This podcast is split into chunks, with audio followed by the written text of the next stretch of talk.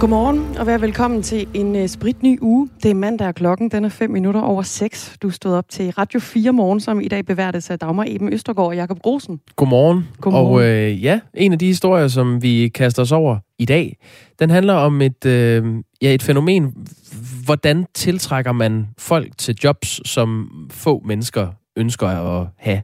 Øh, der mangler simpelthen fængselsbetjente i de danske fængsler. Det er der egentlig ikke noget nyt i. Sådan har det set ud de seneste otte år. Øh, og der mangler mange af dem. Øh, antallet af indsatte stiger, og antallet af fængselsbetjente falder stødt. Derfor har Kriminalforsorgen her i foråret øh, kørt en kampagne, som skulle få flere til at vælge uddannelsen som fængsels- og transportbetjent. Kampagnen har kostet 6 millioner skattekroner, og nu viser det sig så, at der er færre, der har søgt ind på uddannelsen, hvis man sammenligner med samme periode i de seneste fire år. Og det er altså noget, vi kommer til at se nærmere på i dag. Øh, er det her en reklamekampagne, som er god brug af offentlige kroner? Kunne man have gjort noget anderledes? Øhm, ja, det er det spørgsmål, vi stiller her til morgen. Det må du også gerne byde ind på, hvis du sidder derude, arbejder i Kriminalforsorgen. Det kan være, at du er i fængselsbetjent eller i transportbetjent. Skriv ind, hvis du har nogle erfaringer. Hvad tænker du også om den her kampagne? Er det den rigtige måde at hive nye kolleger til øh, branchen på? Vi ved fra øh, tidligere udsendelser, at vi har fængselsbetjente, eller i hvert fald folk, der arbejder i Kriminalforsorgen, som lytter til det her program. Så hvis du øh, lytter med, så må du meget gerne øh, komme med nogle indspark på den.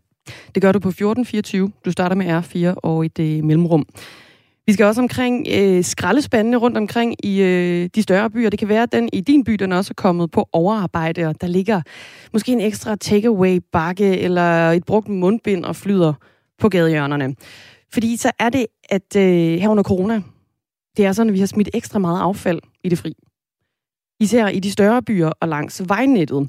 Det viser en rundspørg blandt landets 10 største kommuner, som vi har lavet her på Radio 4 morgen.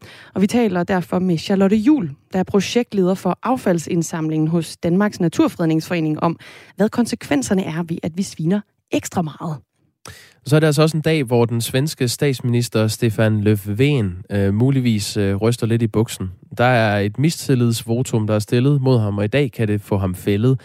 Men øh, han kæmper med næb og klør for at indgå et eller andet øh, kompromis med de andre svenske partier, så han kan blive siddende ved magten. Øh, den øh, sådan øh, relativt varme sag kommer vi til at kaste os over med øh, nordisk korrespondent Jesper Sølk, som fortæller mere om den sag om 10 minutter. Godmorgen og velkommen. Godmorgen. Vi starter et lidt andet sted, fordi to ud af tre forældre til børn i alderen mellem 12 og 15 år, de er altså klar til at lade deres børn blive vaccineret mod coronavirus. Det viste en megafonmåling, der udkom i går. Og den kommer altså i forlængelse af, at Sundhedsstyrelsen og direktør Søren Brostrøm i sidste uge om torsdagen kunne offentliggøre, at også de 12-15-årige, de vil blive tilbudt en coronavaccine for bedre at opnå en flokimmunitet i Danmark. Og den mulighed, den vil vores næste gæst altså gerne benytte sig af. Godmorgen, Naja Markusen. Godmorgen, Naja Markusen. Øh, godmorgen.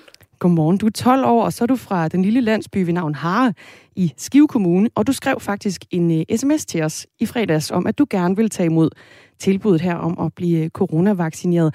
Nej, hvorfor vil du gerne det? Øhm, altså, det er på grund af, at øhm, jeg føler, at man skal være sådan beskyttet, og det er man jo, hvis man får den der vaccine. Og hvorfor er det vigtigt at være beskyttet for dig?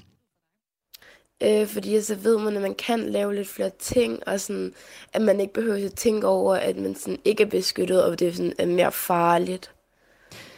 På øh, torsdagens pressemøde i sidste uge, der nævnte Sundhedsstyrelsens direktør Søren Brostrøm, at vaccinationen af de 12-15-årige kan øge flokimmuniteten fra 65% til 69%. Og vaccinen, den fra Pfizer, peger han på, er meget sikker og tordnende effektiv til børn over 12 år, lød det blandt andet fra Søren Brostrøm. Og ifølge målingen, der vil 16% formentlig ikke lade deres børn coronavaccineres. Nej, du er jo 12 år, og så har du jo øh, sikkert prøvet også at få vacciner før, blandt andet dit 12-års stik. Hvordan gik det? Øhm, ja, jeg var meget nervøs, øhm, men jeg synes, det gik fint. Jeg har kun fået min første, øh, og jeg skal snart have min andet stik. Hvor, hvorfor var du nervøs for at få stikket? Altså, jeg, jeg, jeg kan ikke lide nåle, så det er lidt irriterende, men jeg kan, hvad hedder det, men jeg tænker bare på det positive i det. Og vil du ikke prøve at sætte et par flere ord på, hvad er det, der er så positivt ved det? Nu, nu bliver det blandt andet også nævnt, at, at det her det vil øge flokimmuniteten. Er det også en af årsagerne til, at du gerne vil have vaccinen? Øh, ja, og også bare alt det der med, at øh, det, det er noget godt at få det, og øh, det er vigtigt, og mange, altså jeg kender mange, som der ikke gider at have det, fordi at de ikke rigtig får et stik, men jeg synes bare, det er vigtigt, hvis man sådan får det. Mm. Er du også, øh, er der en eller anden øh, begrundelse i, at du måske også er lidt bange for at blive smittet med coronavirus, Naja? Øh, ja, jeg, har, øh, jeg, er meget, jeg er meget bange for at blive smittet, fordi at jeg, sådan, jeg, jeg ved ikke, hvad det er. Sådan noget. Jeg, kan ikke sådan, jeg er ikke sådan nye ting, det er ikke lige mig. Mm. Der er jo også øh, nogen, som bliver hårdt ramt af bivirkninger, når de så er blevet vaccineret og har fået det her i første stik. Hvad tænker du selv om, om den risiko, Naja? Øh, jeg bliver selvfølgelig meget nervøs, og øh, det, er sådan, det påvirker også for eksempel mig, og det er sådan, ja, det er bare sådan, hvis man kan godt blive bange, hvis man hører sådan noget, at det bare sådan påvirker en rigtig, rigtig meget, og det er sådan, så tænker man på alle de der, som for eksempel har fået det og sådan noget. Min mormor har for eksempel fået det, øh, og der er ikke sket noget for hende eller mm. noget. Naja, har du snakket med nogle af dine venner om øh, den her mulighed, den nye mulighed, der er blevet åbnet op for, i forhold til, at du og dine venner på øh, 12-15 år, de også skal få den her vaccine? Er der, er der andre, der ligesom dig også gerne vil have den, eller er der andre, som slet ikke vil have den? Altså, en fra min klasse, hun vil overhovedet ikke have den, og øhm, det kan jeg selvfølgelig godt forstå, fordi det er jo ens eget beslutning om, at man vil have den, eller man ikke vil. Øhm, men jeg har ikke rigtig fået snakket med nogen om det der, fordi at jeg hørte det, før, jeg hørte det kun i går. Mm. Vi har også øh, din mor med, Naja. Godmorgen, Stine Petersen. Godmorgen. Du er en af de her godt 67 procent af forældrene, som gerne vil lade øh, sit barn mellem 12 og 15 år vaccineres. Hvordan kan det være? Øhm, jamen, altså, jeg, jeg er fuld fortaler for, at, at vi skal have vaccinationer, og hvis det bliver anbefalet af børn mellem 12 og 15 også vil have nyt godt af det i form af, af flokimmuniteten, jamen så, så synes jeg bare, at det er det, vi skal gøre. Mm. Hvad siger du til, at Naja hun selv er så klar på at blive vaccineret? Jamen, det synes jeg er mega fedt. Altså, vores børn bliver jo selvfølgelig påvirket af, hvad vi som forældre går ind for. Og hvis jeg var meget negativ over vaccinen, så ville hun jo formentlig også være det, fordi hun er 12, ikke også? Mm. Øhm, men jeg er da glad for, at, øh, at hun gerne vil have den, øhm, når vi snakker om det. Og hun er faktisk blevet mere... Altså før i tiden var hun meget bange for, når hun skulle vaccineres, men fordi vi har snakket meget om, at, at det er godt at blive vaccineret, og hun har hørt, at mormor er blevet vaccineret, og farmor og øh, mange andre, jamen så er hun faktisk ikke så bange for det mere. Ja, du er vist også blevet vaccineret, kan det ikke passe? Nej, jeg er blevet tilbudt. Du er blevet tilbudt og, en vaccine? Ja, jeg er 41 nu, så det er, det er kommet til os nu. Jeg okay. ved, at der er nogle andre på min alder, der, der allerede har fået første stik. Mm. Øhm, så så det, det er vi meget glade for. Men det er Min kæreste, han er færdig vaccineret. Okay. Ja. Men du har sagt ja til, til vaccinen også? Ja, det har jeg. Ja. Du, altså, der har jo været snak om, om bivirkninger ved at blive coronavacciner, og der meldes også om, om øh, noget, noget ømhed også, at man bliver ramt af en eller anden grad af sygdom, når man har fået det her stik. Hvordan påvirker det altså den her viden dig og, og valget i forhold til at lade Naja blive øh, vaccineret? Jamen, det, det synes jeg, vi må tage med. Altså, at, at man bliver øm i armen, og man måske får sådan en form for mini-influenza eller mini-corona, jamen, det må vi jo tage med. Mm. Der er jo mange, mange af dem, som har fået stik af vores venner og vores familie, der siger, at man bliver lidt øm i armen. Øhm, det er jo det. Det er jo ikke slemt. Stine Pedersen, mens vi taler med dig, har vi fået en sms her. Øhm, nu parafraserer jeg lige, hvad der står. Øh, der står blandt andet, at man ikke som forældre skal lade et 12-årigt barn være bange. Nu har det stået på i snart to år, uden der har været fare for børn. Hvad tænker du om sådan et synspunkt? Jamen altså, folk har jo ret til at mene, hvad de mener. Jeg har jo også ret til at synes, at det er en god idé. Men har altså, du været bange tidligere for, at, at Naja skulle få corona? Ja, jeg har været bange for, at vi alle sammen skulle få corona, men, men altså, jeg, jeg har jo godt set og læst og hørt, at, at børn ikke fanger det lige så meget, som vi gør. Øhm, Men jeg synes, i det store hele, så er det godt, hvis vi alle sammen kunne blive vaccineret. Så er det mest et hensyn til, til Naja eller til samfundet, sådan at det, at det er godt, hvis øh, flest muligt bliver vaccineret? Det er en blanding. Mm. Nu er der også øh, meldinger om den her, øh, den blev tidligere kaldt den indiske variant, den blev nu omtalt som Delta-varianten, som, som snart bliver dominerende, som også er, er, er mere smitsom. Har det en indvirkning, øh, de her meldinger, i forhold til øh, din og, og din villighed til at lade Naja vaccinere os? Nej. Hvordan kan det være? Øh, jamen altså, fordi jeg bare synes generelt, at, vi bør blive vaccineret. Mm. Og hvornår om skal du... er Øh... En, en, en, Undskyld, hvad siger du, Stine? jamen, om, om det er en, en smitsom variant eller ej. Jeg, jeg, min bedste veninde har haft det, og det, det var en rigtig, rigtig, rigtig hård omgang. Og hun er en af dem. Altså, det er, det er nu et halvt år siden, hun har haft det. Lille halvt år siden. Og hun har stadigvæk følger af det. Mm. Øhm, og det synes jeg var helt vildt. Og det var hele hendes familie. Altså, de, de lagde sig alle sammen ned med det. Heldigvis ikke så syge, så, så de skulle på hospitalet, men, men hun blev meget, meget dårlig. Mm. Øhm, og, og de har tre børn, og to af hendes børn blev også syge. Heldigvis ikke så slemt som de voksne. Vi har lige fået en anden sms fra Daniel. Han skriver, godmorgen, vedrørende vaccination af børn. Burde vi ikke vente til børnelægerne anbefaler det også? Hvad ved politikere og menigmand om fordele og ulemper? Hvad tænker du om det, Stine Petersen? Jamen, jeg tænker, at, at hvis, hvis de går ud og anbefaler det, altså Søren Brostrøm, Mm. og, øh, altså, så tænker jeg, at de har en, en masse viden i hånden, og de har vel snakket med en læge eller to. Altså, det går jeg ud fra. Ja, Søren Brostrøm er jo også læge selv. Ja, så, så jeg stoler jo på, at når de går ud og siger noget, jamen så, så er det det, der passer. Mm. Og nu har vi været i gang så længe. Øhm, og, og at der er så mange, der har fået vaccinerne. Jeg var da også bange i starten og tænkte, uh, skal jeg have den? Og man hører jo en masse skræmmebilleder. Der, selvfølgelig er der også nogen, det er gået frygtelig galt for. Øhm, men det er jo en lille bitte procentdel. Mm. Stine Pedersen, tusind tak, fordi du var med her til morgen. Velbekomme. Også mange gange tak til dig, Naja. Ja, tak. Rigtig god dag til jer. Naja Markusen på 12 år, som altså gerne vil have en coronavaccine, sammen med mor Stine Pedersen, øh, som øh, var med her i Radio 4 morgen.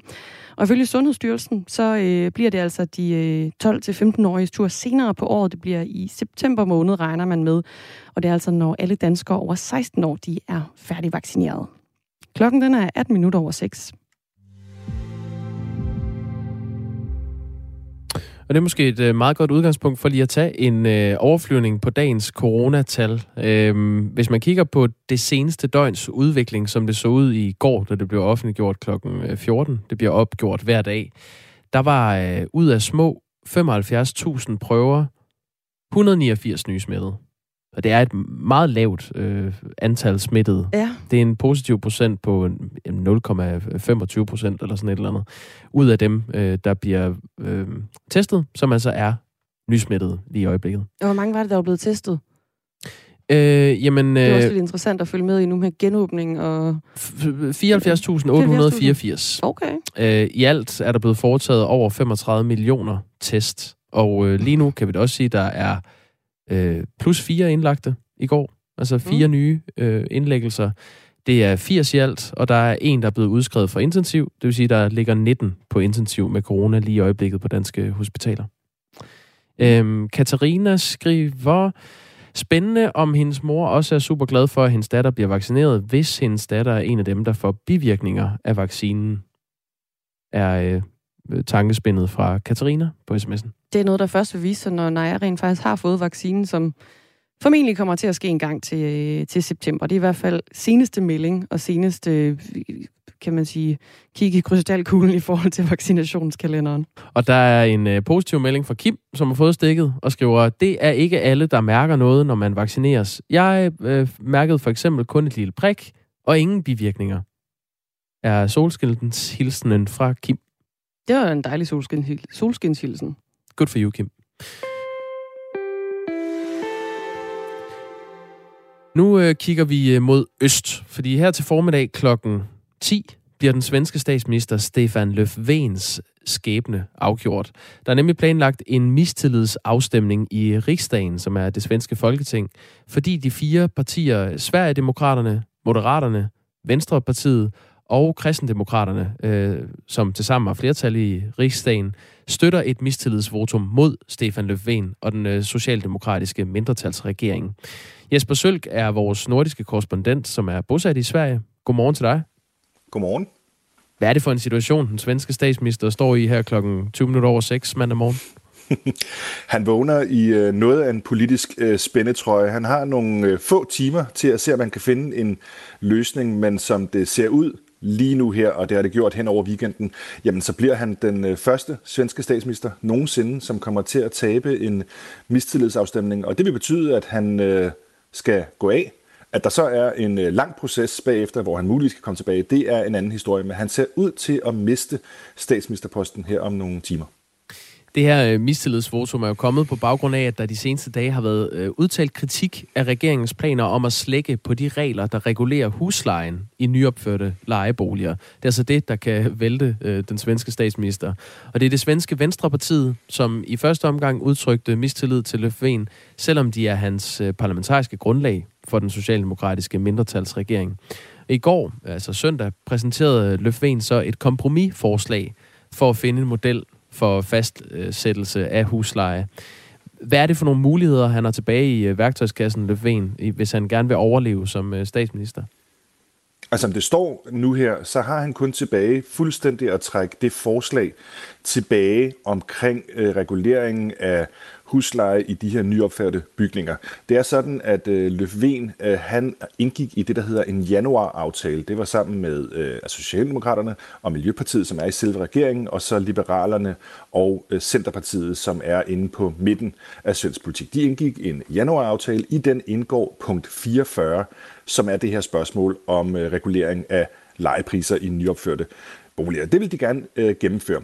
Men den sidste del af det parlamentariske grundlag for Løfven, det er så Venstrepartiet, som svarer lidt til enhedslisten øh, i Danmark. Og de har hele vejen igennem sagt, at de er et no-go. Øh, de kan slet ikke acceptere, at det forslag, så meget som bliver nærmest diskuteret i svensk politik, de mener, at det er et øh, brud med den svenske model på lejeområdet. Og det har de sådan set været ret klare omkring i to og et halvt år. Så, gav, så gav de en, en deadline, 48 timer til Löfven, der skete ikke noget, og nu står han tilbage med jamen, altså nærmest kun muligheden at fuldstændig droppe det, fordi det kompromisforslag, han lagde på bordet i går formiddags, jamen det blev hældt ned af, af brættet af Nooshi Dadgostar, Venstrepartiets leder, med det samme kaldt politisk teater, useriøst og alt for sent. Jamen, så bliver han jo væltet i dag. Det, øh, det, det ligner det, ja.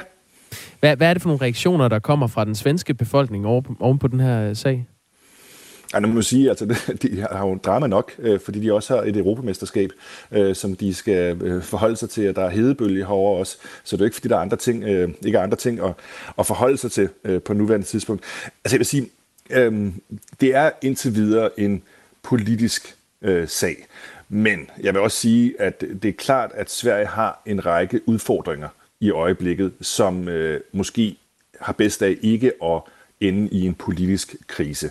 Man har stadigvæk en øh, situation med coronavirusen, hvor at øh, Sverige har været hårdt ramt, hvor man frygter det, der herover vil være en fjerde bølge med Delta-varianten, altså den tidligere indiske øh, variant. Man har en, øh, et ret stort fokus på kriminalitet, bandekriminalitet. Altså der er en række ting, som sådan set står længere op på vælgernes ønskeliste, skulle, skulle klares end at man skal sidde og rode med en, en regeringskrise, et muligvis et ekstra valg, her hvor der blot er ja, lidt over et år til, tilbage til, til næste valg. Så jeg vil sige, det, det er en, en politisk konflikt, men også en politisk konflikt, som hvis man havde fulgt lidt med i svensk politik, godt kunne se komme. Nu hvor øh, det svenske øh, ja, pangdang til enhedslisten, altså Venstrepartiet, har øh, skåret det her kompromisforslag, som kom i går fra Løfven, om at, at forhandle en model for fastsættelse af husleje. Øh, hvor stiller det så en, en kommende mulig regering? Altså hvem, hvem har mulighed for at, at komme til magten nu? Jamen, det er jo det, der er så øh, interessant i det her, fordi der er i virkeligheden ikke noget oplagt alternativ til, at Stefan Löfven er statsminister. Altså det, vi skal forestille os, det er, at dem, som vælter Löfven-regeringen, hvis det er det, der sker her kl. 10 til formiddag, det er så Venstrepartiet, altså det, der svarer til enhedslisten, men så er det i et samarbejde med den anden yderfløj i svensk politik. Sverigedemokraterne, der er vi ude i noget nye borgerlige Dansk Folkeparti-agtigt, øh, og så de to store borgerlige partier her i, i Sverige, Moderaterne og, og Kristdemokraterne. Det er koalitionen, som vælter Stefan Löfven. De har som udgangspunkt ikke særlig meget til fælles, ud over et ønske om at vælte Stefan Löfven. Så det, der kommer til at ske, er, at øh, der bliver ikke udskrevet valg øh, med det samme. Der kommer til at indgå nogle, øh, nogle runder, en proces med det, der hedder talmanden øh, i den svenske rigsdag i spidsen, hvor man skal se, om man kan finde et alternativ til Stefan Löfven. Der vil være nogle runder, men som det står nu her, så ligner det, at, øh, at Stefan Löfven har en vej tilbage til at blive statsminister efter de her talmandsrunder, men det kan blive enormt øh, rodet, fordi at Venstrepartiet vil blive ved med at stå fast i, at han skal, skal skrotte det her forslag 44 om lejereguleringen før at de vil stille deres mandater øh, bag ham igen. Og så har jeg faktisk også en situation med nogle af de to midterpartier, som støttede ham tidligere i januartalen, som også kommer til at kræve nogle ting, så det kan blive, det kan blive ret kaotisk. Der er nogen, der holder øh, vejret hensideren i dag. Øh, Jesper Sølk, tak fordi du var med fra Sverige. Det var så lidt. Altså vores øh, nordiske øh, korrespondent, der belyste den her sag, som altså handler om en øh, statsminister, som er på vej øh, til at ryge i Sverige på en sag om øh, huslejepriser. Det er ganske bemærkelsesværdigt, det lige huslejepriserne. Det, det er vildt nok, ja. men øh, ja, man er aldrig sikker i politik. Det er helt sikkert noget, vi også kommer til at følge op på i morgen. Det kan vi godt garantere. Ja. Og så fra en øh, svensk statsminister til en tidligere israelsk premierminister. Vi skal snakke om Netanyahu. Benjamin Netanyahu, som jo øh, for nylig tabte premierministerposten. Ja, også til en noget øh, opsigtsvækkende koalition af partier. Ja, det må man sige. Det er jo 12 år har han siddet øh, på den her øh, post. Og i de 12 år har hans familie jo også boet i Israels officielle bolig for premierministeren. Den ligger på noget, der hedder Balfour Street i Jerusalem. Ja. Og han befinder sig ret godt her.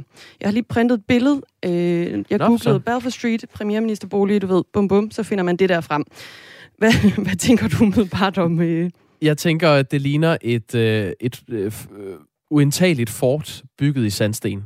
Ja. Altså, der er øh, øh, høj mur rundt om, øh, naturligvis, og en, øh, en port ind, og så kan man så se, hvordan det, øh, det tårner op inde bag muren. Det ser ret... Øh, det ligner lidt et fængsel, faktisk. Det, altså, det er ikke sådan særlig indbydende, og det er ikke, fordi der sådan er super mange vinduer, og er der Nej, lidt hegn rundt det er om også, også, og sådan noget, Det er ikke? der også sparet på, men der er mange glatte øh, overflader af sandsten. Svært at kravle op af. Måske det er derfor, han befinder sig så øh, dalens godt på sit lille fort. Jeg ved ikke, altså, han er i hvert fald ikke øh, meget villig til, til at forlade den her embedsbolig. Nå, men skal han ikke det? Det skal han jo.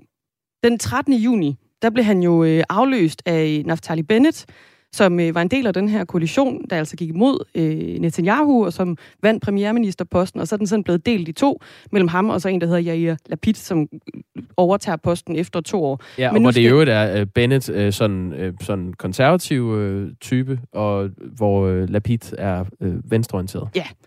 Først så tager Naftali Bennett den her post, og han skal altså ligesom ind i det her hus, men øh, Netanyahu øh, har altså stadigvæk postadresse på fortet, du sidder med et billede af. Jamen, de kan jo heller ikke komme ind til ham, altså, Nej, hvis man vil man kan ikke komme have ham afsat. Det er jo... Øhm, nu, er der så, nu sker der ligesom endelig noget.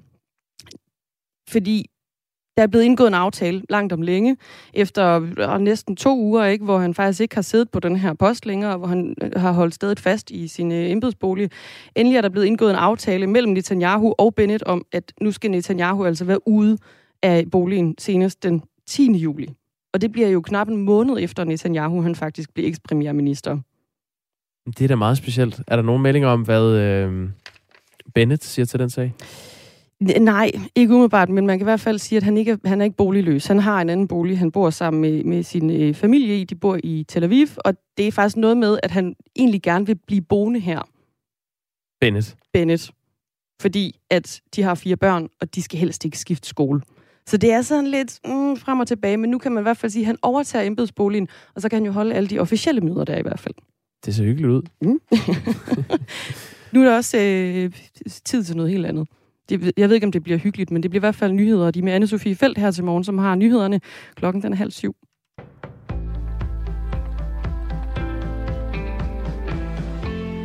Mens virksomheder fortsætter med at låne penge af Skattestyrelsen, så arbejder regeringen i kulisserne på at få landets banker til at overtage de særlige coronalån, der løber op i forløbig 30 milliarder kroner. Det oplyser flere kilder med indsigt i processen til Jyllandspostens Finans. Ejn Amripur orienterer. I SMV Danmark, der repræsenterer små og mellemstore virksomheder inden for blandt andet industri, byggeri og service, frygter man, at virksomhederne kommer i klemme, hvis bankerne overtager de særlige coronalån og dermed bliver stillet ringere end i de nuværende ordninger, hvor lånene er rentefri og bevilget uden forudgående kreditvurderinger. Direktør i SMV Danmark, Jakob Brandt, kalder det helt urimeligt, hvis virksomhederne pludselig skal til at betale markedsrenten på de lån, som de har optaget for at komme helt skinnet igennem krisen. En lang række af de virksomheder, som har optaget lån, er vi ikke sikre på, at bankerne vil vurdere som sunde, men risikerer, at banken siger nej til at overtage gælden, og så vil virksomheden gå konkurs, siger han. De særlige coronalån blev etableret for at hjælpe virksomhederne igennem coronakrisen. 10.000 vis af virksomheder har lånt beløb af Skattestyrelsen svarende til den A-skat, arbejdsmarkedsbidrag og moms, de skulle betale gennem dele af 2020 og 2021. Skatteminister Morten Bødskov har ingen kommentar til Finans Jyllandspostens oplysninger. Han oplyste dog i en skriftlig kommentar tidligere i denne uge, at regeringen er opmærksom på virksomhedernes situation, når lånene skal betales tilbage. En sag om huslejepriser har kastet Sverige ud i en regeringskrise, hvor statsminister Stefan Löfven kæmper for sin regerings overlevelse. Klokken 10 kan det hele være forbi for den rødgrønne regering bestående af Socialdemokraterne og Miljøpartiet. Her har Social Sverigedemokraterne bebudet en mistillidsafstemning mod regeringen i riksdagen. Regeringens støtteparti, Venstrepartiet, har højst usædvanligt meddelt, at man er parat til at stemme imod Løf-V'en. Det er et forslag om prisfastsættelse af huslejer, der har udløst krisen.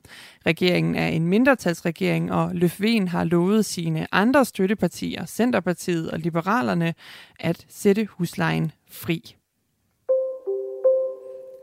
Højrefløjspartiet National Samling, der ledes af Marine Le Pen, står til et skuffende resultat i første runde af Frankrigs regionalvalg i går.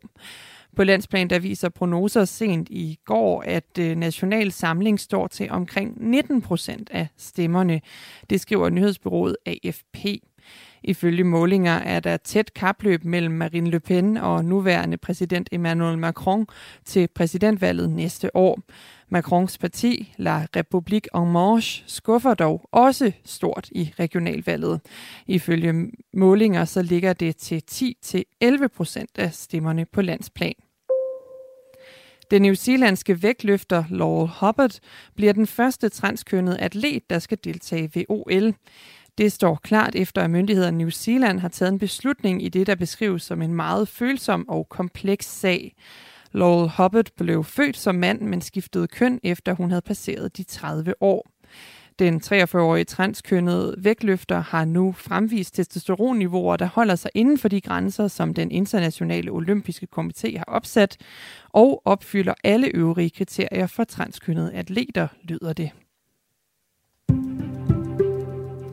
Det bliver skyet, og i den sydlige og østlige del af landet kommer der regn og tordenbyer, der lokalt kan være kraftige. I resten af landet enkelte byer. Temperatur mellem 15 og 23 grader og let til frisk vind.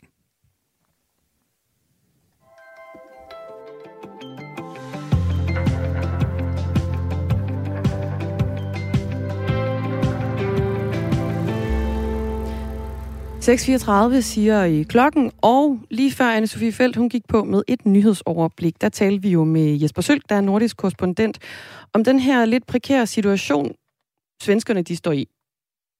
Ja, i hvert fald øh, svenskerne, hvis man øh, betragter svenskerne som værende statsminister Stefan Löfven. Ja, okay, det er ham, der øh... står i en prekær situation. Her til formiddag, der er der jo et øh, pressemøde øh, kl. 10, eller der er et, øh, en, en, en planlagt mistillidsafstemning i rigsdagen i forhold til den svenske statsminister Stefan Löfvens skæbne som statsminister. Og øh, i forbindelse med den her snak med Jesper Sølg, der tikkede der en sms ind på 1424'eren, der kommer fra Paul. Mm. Han skriver, Sverige, kunne I måske forklare forslaget? Det er jo øh, sådan, at det handler om huslejepriser og fastsættelsen af huslejepriser. Ja, man har i Sverige noget, der hedder Hyregästföreningen, som Jo. svarer til... Øh, Flot udtale. jeg prøver virkelig her til morgen. Øh, Lejernes LO svarer det til Ja. i Sverige. Og øh, man har altså et særligt system i Sverige, hvor en organisation forhandler husleje på vegne af lejere. Og øh, det Løfven så, der man har været åben for at, at sætte det fri og lade huslejen blive reguleret af markedet. Det er det, som Venstrepartiet i Sverige, som er et reelt Venstreparti, har Mm. sagt, øh, det kan vi ikke gå med til. Og At det, der sidder en organisation og forhandler. Øh, nej, man, de kan ikke være med til, at man sætter det fri, Mm. øh, så øh, lejerne kan blive, Nå. øh, eller lejen kan blive fastsat af udlejere Ja. efter markedet. Fordi det kan jo presse priserne i vejret på, øh, på lejeboliger. Og det er altså derfor, at Venstrepartiet er gået sammen med øh, de borgerlige partier i øh, ja, et mistillidsvotum til Stefan Löfven. Og så har han så lanceret det her kompromisforslag, hvor parterne på boligområdet skal forhandle for at finde en model for fastsættelse af husleje. Han har ligesom udskudt det og sagt, Mm. det er noget, vi kan tage til efteråret. Øh, kan I spise det? Og det er det, Venstrepartiet med det samme har sagt. Det kan vi på ingen måde øh, lide lugten af. Det er ud. Og det er nok det, der kommer til at ske i dag kl. 10. Men mindre et eller andet øh, opsigtsvækkende sker. Det er jo opsigtsvækkende nok i sig selv, kan man sige. Ja, det må man i hvert fald sige. Og også øh, helt sikkert noget, vi holder øje med her i, øh, på Radio 4. Og så vender vi øh, hjem til Danmark igen for en stund, fordi coronanedlukningen den har givet øh, meget mere skrald og affald i bybilledet. Det viser en rundspørg blandt landets 10 største kommuner, som vi har øh, lavet her på Radio 4 morgen. I Aarhus Kommune, der har de for eksempel sat dobbelt mandskab ind i vej- og parkafdelingen for at kunne følge med. De har sat nye skraldespande op, og udgifterne til indsamlingen af alt det her er steget med 102.000 kroner, og det er alene i maj måned i år. Og det er altså 102.000 kroner mere i forhold til øh, normalt. Også i Aalborg Kommune, der har de sat øh, meget mere mandskab ind for at fjerne skrald, og alene sidste år, der gav det en øh, ekstra regning på 1 million kroner. Charlotte Jul, godmorgen. Godmorgen projektleder for affaldsindsamlingen hos Danmarks Naturfredningsforening. Hvor meget mere skrald oplever I, at der er blevet smidt under coronanedlukningen? Jamen altså, vi oplever helt klart, at der, der har været mere. Altså, vi havde jo vores årlige øh, affaldsindsamling her i april måned. Øhm, og vi prøvede sådan at sige, øh, sætte et, et tal, som vi synes var pænt øh, ambitiøst med 700 indsamlinger rundt omkring i, i Danmark, som frivillige står for. Og det endte faktisk med 2.200 indsamlinger, så det var jo langt, langt over det, vi havde øh, forventet. Øhm, og det er selvfølgelig fantastisk at mærke, at så mange danskere de støtter op om vores projekt for et renere Danmark. Øh, og i alt der deltog omkring 200.000 danskere, øh, og mange af dem de var, det er børn fra skoler og daginstitutioner også. Øh, og så- selvfølgelig er det dejligt at mærke den der øh, opbakning fra danskerne generelt, men det er, det er også virkelig dejligt, at lærere og pædagoger rundt omkring støtter om omkring det her øh, projekt. Fordi man kan sige, at hvis vi får børnene med, så kan vi jo arbejde på hele det her adfærd fremadrettet, så vi kan komme af det her henkastede affald til livs. I, I, Øhm, I startede med at have planlagt øh, 700 øh, indsamlinger, endte med over 2.000. Hvordan kan det være? Jamen det, altså man kan sige, jeg tror, at corona har gjort rigtig meget. Øhm, dels har vi set, at der ligger meget mere affald derude, fordi vi er kommet meget mere ud i naturen. Og så skal vi nok heller ikke være blinde for, at, at her var også øh, et, en ting, som man kunne gøre sammen i sine små bobler. Vi lagde meget vægt på at, øh, at gå nu ud og samle ind med din egen lille boble. Så vi behøvede ikke, altså folk behøvede ikke ligesom at dele sig med andre mennesker. Det var noget, man, man kunne gøre med sin familie eller venner eller noget andet. Og hvad er det egentlig, vi, øh, vi smider rundt omkring i, øh, i Danmark? Jamen, vi har delt det sådan lidt op i nogle kategorier. Øh, sidste år, da vi havde indsamlingen, der, øh, der satte vi fokus på mundbind. Vi havde indsamling i september måned, altså umiddelbart lige efter, at vi øh, havde fået besked på at tage de her mundbind på i offentlig transport og sådan noget. Og der fandt vi øh, 3-4.000 mundbind i løbet af indsamlingen. I år var tallet 53.000, så der var en kæmpe stigning der. Og så har vi lavet sådan en undersøgelse også lige inden indsamlingen, hvor vi kan se, at det er simpelthen den affaldstype, som rigtig mange mennesker de, øh, de lægger mærke til. Øhm, og en anden kategori skal jeg lige sige, øh, herunder corona, jamen, der var vi jo bare rigtig meget ude i naturen, hvilket selvfølgelig er super positivt. Øhm, og så der havde vi så fokus på alt det her takeaway, fordi vi jo ikke kunne komme på restauranter. Øhm, og øh, rigtig mange mennesker, de tager deres mad med ud, men de glemmer bare at tage deres emballage med hjem. Så der øh, havde vi også øh, et stort tal, 120.000 stykker til takeaway, for at være helt præcis, blev der samlet ind i den her periode. Er det ikke en lille smule, altså nu tænker jeg, at en række store byer har sat ekstra ind for at, for at samle alt det her øh, ekstra skrald, som, som er, er kommet ud på gader og stræder i naturen. Er det ikke lidt skuffende, at I så alligevel skal, kan man sige, skrue så meget op for jeres indsamlinger, Charlotte Jul? Jo, men det er det bestemt. Altså, øh, og det er også derfor, vi har rigtig meget fokus på hele det her med at øh, ændre adfærd. Så, øh, så noget af det, vi arbejder rigtig meget med, som jeg også sagde før, det er på børneområdet. Øhm, altså hvis vi kan få vores børn til at lade være med at smide så meget, meget affald, jamen så, øh, så ser det hele jo bedre ud øh, fremadrettet. Øhm, og, og altså de tal, som du lige nævnte før, at det stemmer igen meget fint overens øh, med den undersøgelse, jeg nævnte før, hvor, øh, hvor vi kan se, at 65 procent af befolkningen, det synes, der er alt for meget affald i naturen generelt. Og hvis så vi kigger ind i byerne, så er tallet helt op på 73 procent. Og hvis vi så igen kigger ind i hovedstaden, så er tallet op på 83 procent. Så altså, vi synes bare, der er alt, alt for meget affald derude. Så det er jo egentlig mærkeligt, at vi bliver ved med at smide alt det affald, hvis vi, altså så mange af os egentlig synes, at det er problematisk. Men den eneste måde, vi kan løse det på, det er ved at tage fat i børnene, skal det forstås? Nej, det er absolut ikke den eneste, men det er en af, en af de øh, ting, som vi arbejder på. Vi arbejder rigtig meget på at, og, øh, og, ja, ændre adfærd generelt hos befolkningen, men det er et stort, langt træk, skal, må jeg sige, der skal til. Øh, men det er, det er vores fokus. Altså, vi arbejder for et, øh, et Danmark fri for affald generelt, så det er, det er altså alle sammen, der skal stoppe med det. Vores rundspørg her på Radio 4 morgen til de 10 største kommuner afslører blandt andet, at flere kommuner de har haft ekstra omkostninger i forbindelse med den øgede skraldemængde her under corona. Og i Odense der har man sat ekstra skraldespand op, og man har øget bemandingen tidligere, end øh, man plejer at gøre i kommunen i forhold til skraldeindsamlingerne. Og i Esbjerg der sætter de altså også ekstra skraldespand op. Og flere af de større byer de melder om, at det står værst til med skrald i de øh, centrale bymiljøer, i parker og så også ved havnefronter, som øh, oftest er der, hvor øh, folk de samles i, øh, i større flokke jo. Hvad er det for nogle konsekvenser, man kan, øh, det kan få, at vi, vi smider så meget skrald? Charlotte Jul, projektleder for affaldsindsamlingen hos Danmarks Naturfredningsforening. Jamen altså konsekvenserne er at det er, det er virkelig skidt for, øh, for miljøet generelt. Hvis vi, hvis vi kigger på plastik, øh, som jo er et af de ting, som vi smider rigtig meget ud øh, i naturen og andre steder, så, øh, og det er jo blandt andet mundbind, så har det en virkelig lang nedbrydningstid. 400-500 år tager det at nedbryde plastik.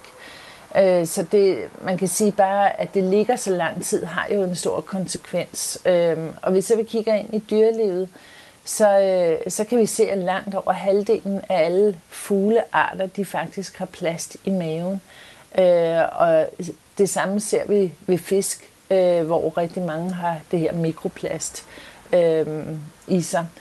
Øhm, og hvis så vi ser på de her mundbind, altså helt specifikt, jamen så kan vi se, at der er, er mange fugle også, der får de her ben snået ind i elastikkerne.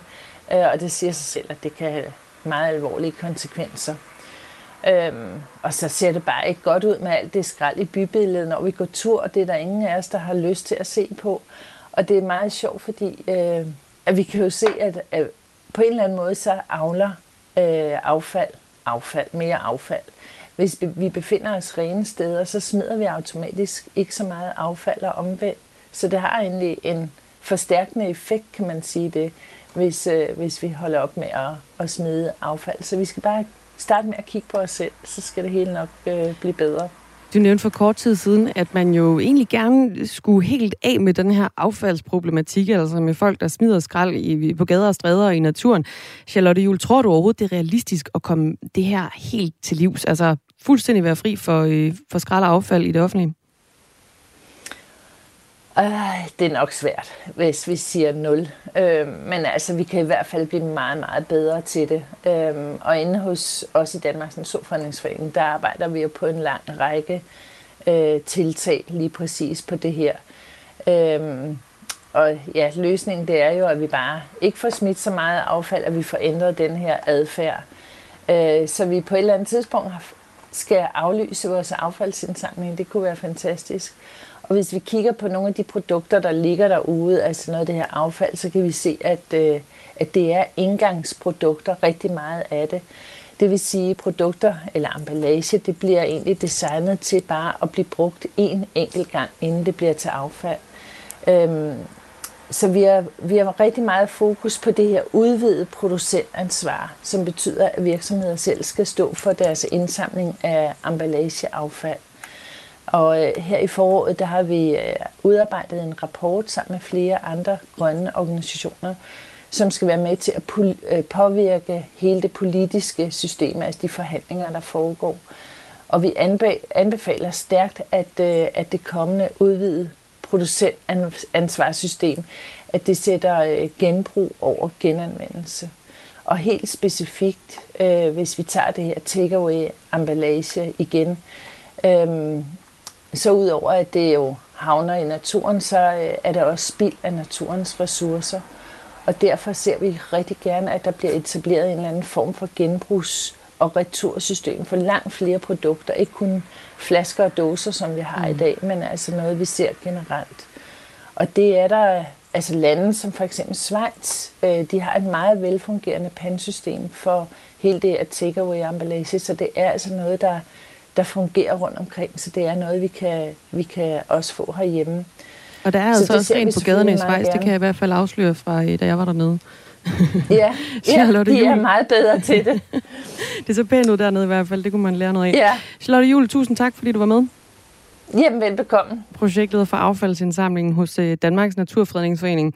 Vi har fået en sms fra Ditte. Hun skriver ind på 1424. Det er simpelthen så synd, at det flyder med affald i gaderne. Det er næsten skamligt så meget, der ligger rundt omkring i Aarhus. Jeg har endda hørt en turist nævne det tilbage, da vi havde krydstogsskibe liggende ved øh, Aarhus Havn. Og netop ved Aarhus Havn, der skal vi faktisk øh, hen senere på morgenen.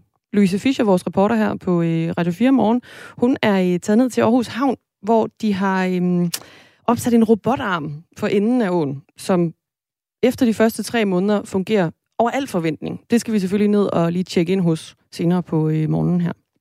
Prøv at kigge på, hvornår der sidst var en, der fik en straf for at svine. Det sker aldrig. Så det er så godt som lovligt at smide affald, er der en, der skriver her. Så er der en øh, anden lytter, som skriver ind. Det er en af dem, som øh, faktisk arbejder med det skrald, der bliver smidt. Så kan Danmark jo være glad for, at folk i vej og park går til en sulteløn. Også er der sgu ingen, der har ondt af. Med venlig hilsen. En, der underskriver sig som D, skriver paradoxalt nok, er problemet størst i byerne. De selv samme, som er mest klimabevidste.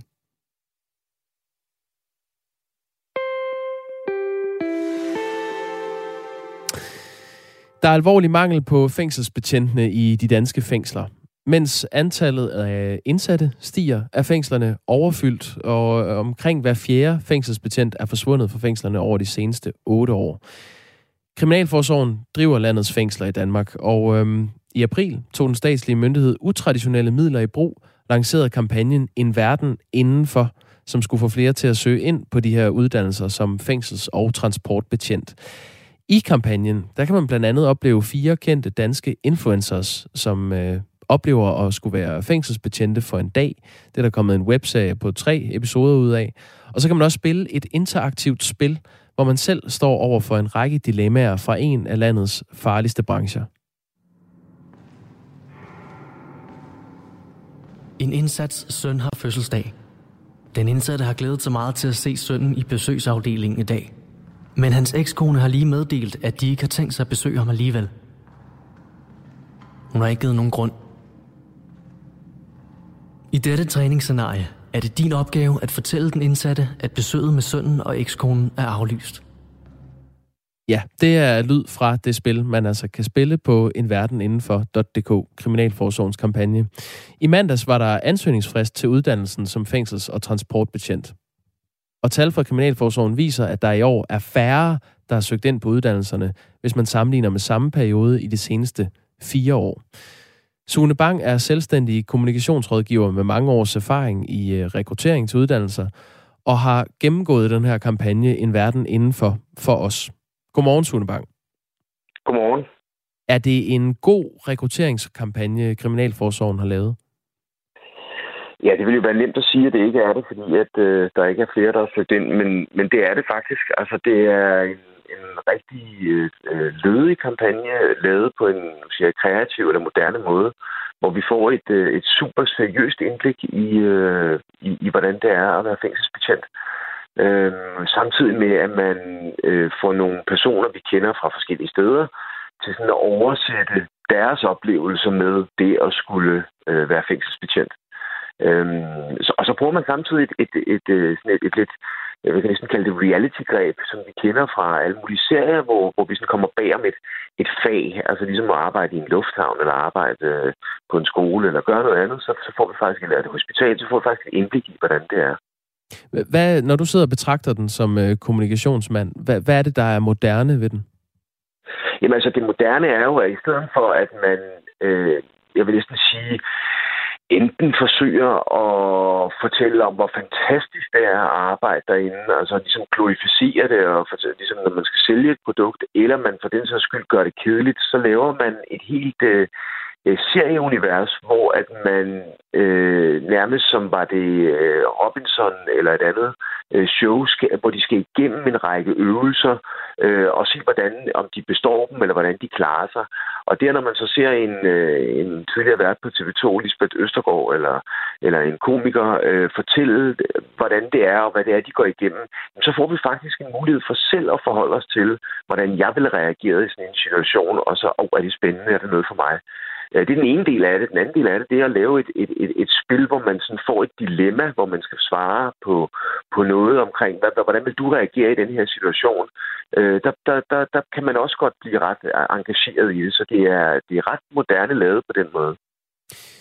I år er der 139 øh, til og med den, den 8. juni, der har søgt uddannelserne som øh, transport- og fængselsbetjent. Sidste år lå det samme tal på øh, 168, så der, der er altså 29 færre i samme periode ja. i år, der har søgt sammenlignet ja. med sidste år, og ja, øh, årene før er det nærmest dobbelt så mange, der har, der har søgt ind på de her uddannelser.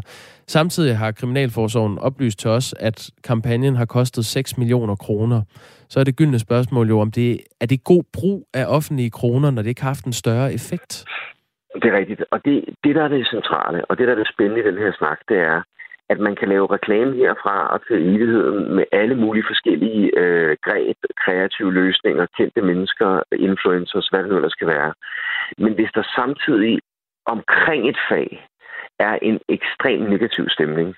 Altså hvis man hører øh, formanden for Fængselsforbundet gå ud og sige, at øh, der simpelthen ikke er mandskab nok til at drive øh, fængslerne i øjeblikket, at det trækker tænder ud for kollegaerne, at man næsten beskriver det som et helvede, man hører om at fængselsbetjente går ned med psykisk stress, at øh, der er flere, der stopper, end der starter, fordi det er for hårdt, det her.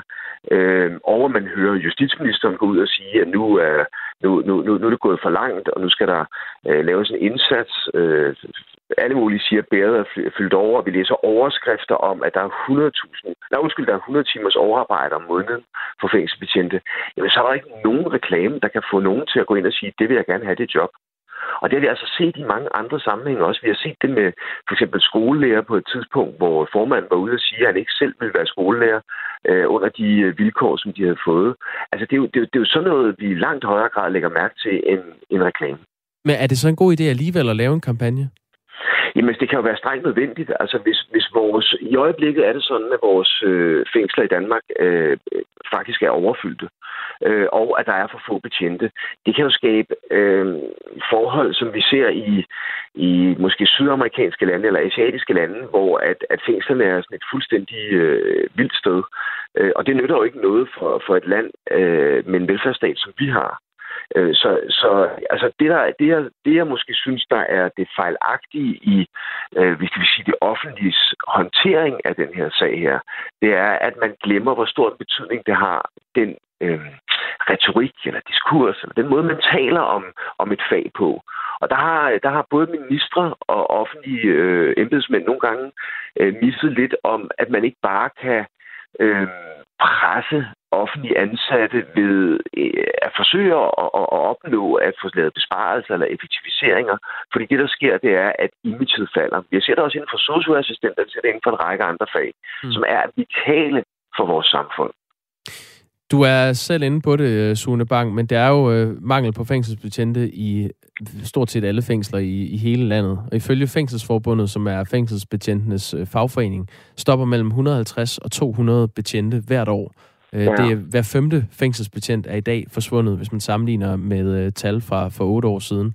Og ja. frafaldet øh, for uddannelsen er også steget markant de senere år. I dag springer 3 ud af 10 fra uddannelsen. Så det er altså nogle øh, problemer, der er til at tage at føle på for Kriminalforsorgen. Og et af de skyts, de så ruller ud i den her kampagne, det er de fire Instagram-influencers, øh, komikeren Martin Johannes Larsen, tv-vært Lisbeth Østergaard, tidligere fodboldspiller Kasper Fisker, og så tv-værten øh, Mathias Hunebøl, som skal prøve en dag som øh, fængselsbetjent. Og der er kommet den her webserie på tre episoder ud af, som du også kalder øh, næsten øh, reality-tv. Lad os lige prøve at høre et klip, øh, hvor de fire skal klæde om til uniform. Det er jo en gave at få lov til at prøve det her.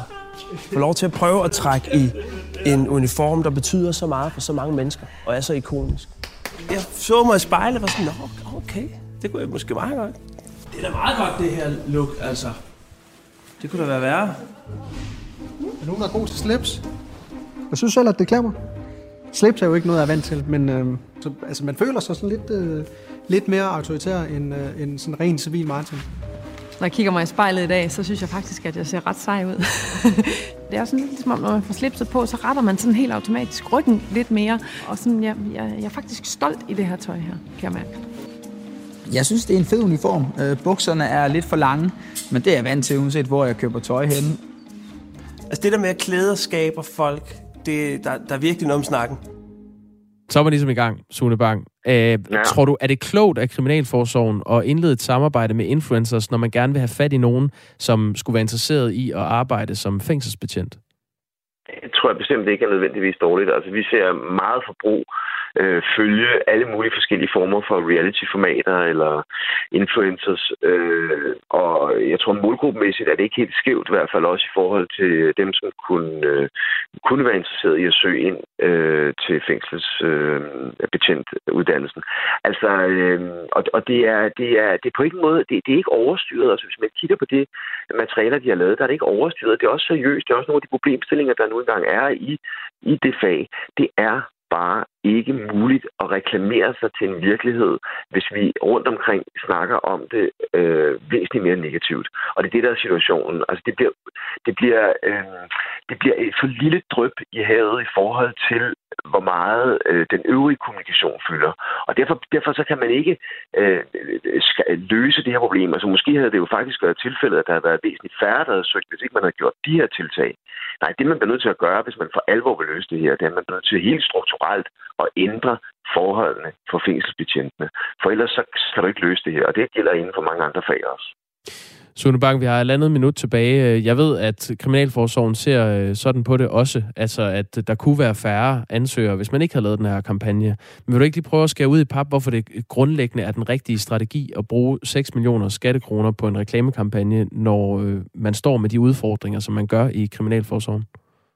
Hvis du har, hvis du har et område, som er vitalt for et, sam, for et samfund, og du, og du bruger mange, mange, mange hundrede millioner kroner på det område, så er det igen også ekstremt små penge at bruge, hvis du kan sikre, at du faktisk får de ansatte, der skal til, for 6 millioner kroner.